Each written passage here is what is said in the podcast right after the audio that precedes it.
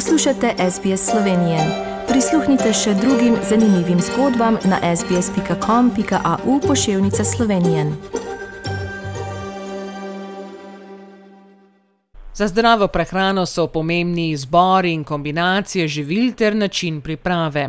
Ali je vseeno, katero posodo izberemo in uporabljamo pri vsakdanji pripravi, dik dr. Belevičeva in najprej lepo zdrav na slovenski vdaji v Avstraliji.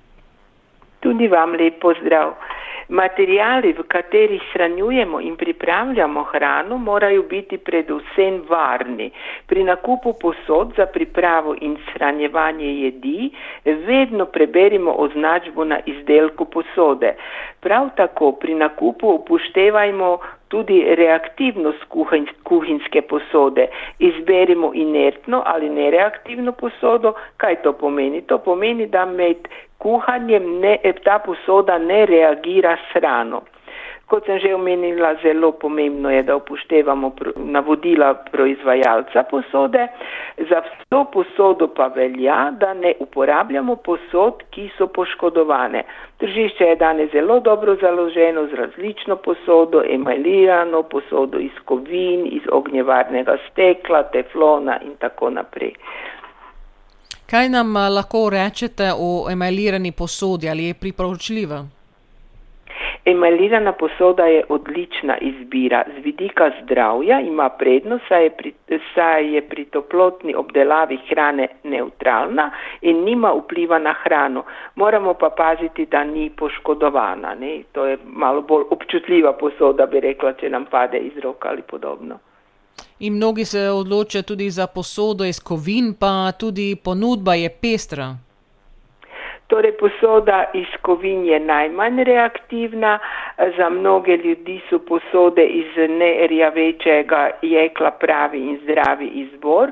Iz velike ponudbe posode vrste se, se najbolje izkažejo lonci oziroma posoda z debelim dnom. Svetujem, da takoj po koncu kuhanja vzamemo hrano iz posode in tako preprečimo, da bi hrana dobila okus po kovini.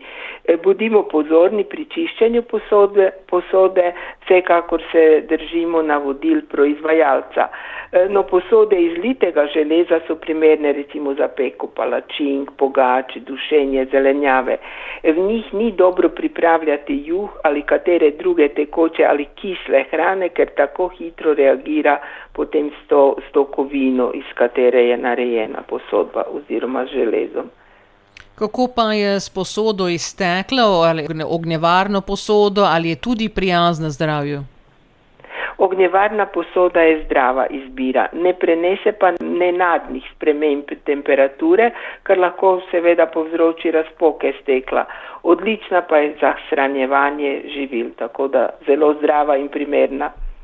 In tržišče nam tudi ponuje pestro izbiro posode, recimo s teflonskimi premazi. Na kaj pa moramo biti še posebej pozorni? No, pri uporabi posode s teflonskimi premazi je zelo pomembno, da posode ne pregrevamo na visoki temperaturi, saj se ob tem tvorijo strupene snovi, ki škodujejo zdravju. Teflon ima zelo omejeno življenjsko dobo, je zelo občutljiv na praske in rezanje, zato se kar hitro poškoduje.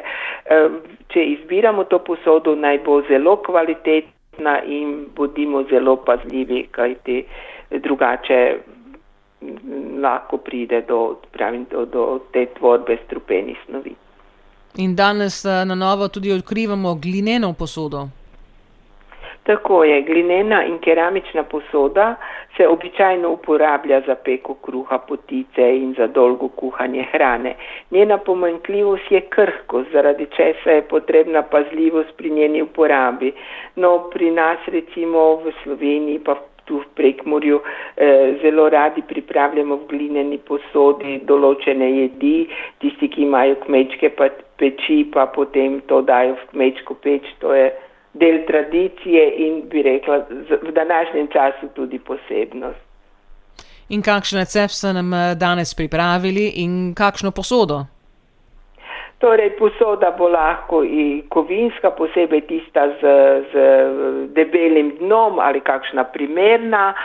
Jed sem poimenovala Evina solata, potrebujemo 20 dekagramov piščančjih prsi, potem tri žlice grobo mletih koruznih kosmičev, brez dodanega sladkorja, čisto navadnih.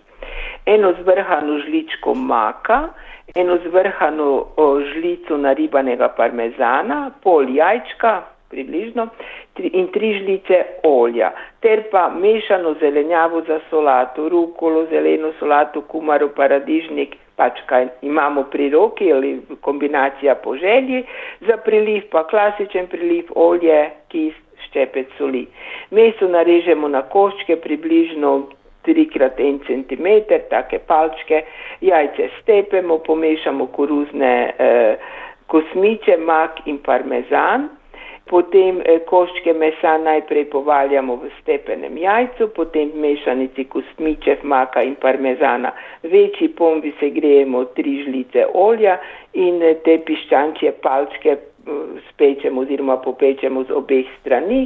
Naredimo solato iz poljubne zelenjave, dodamo palčke, te mesne palčke in seveda ponudimo z z kosom polnovrednega kruha, kar je pa potem lahko recimo manjši obrok ali večerja ali lahko kosilo ali kaj podobnega.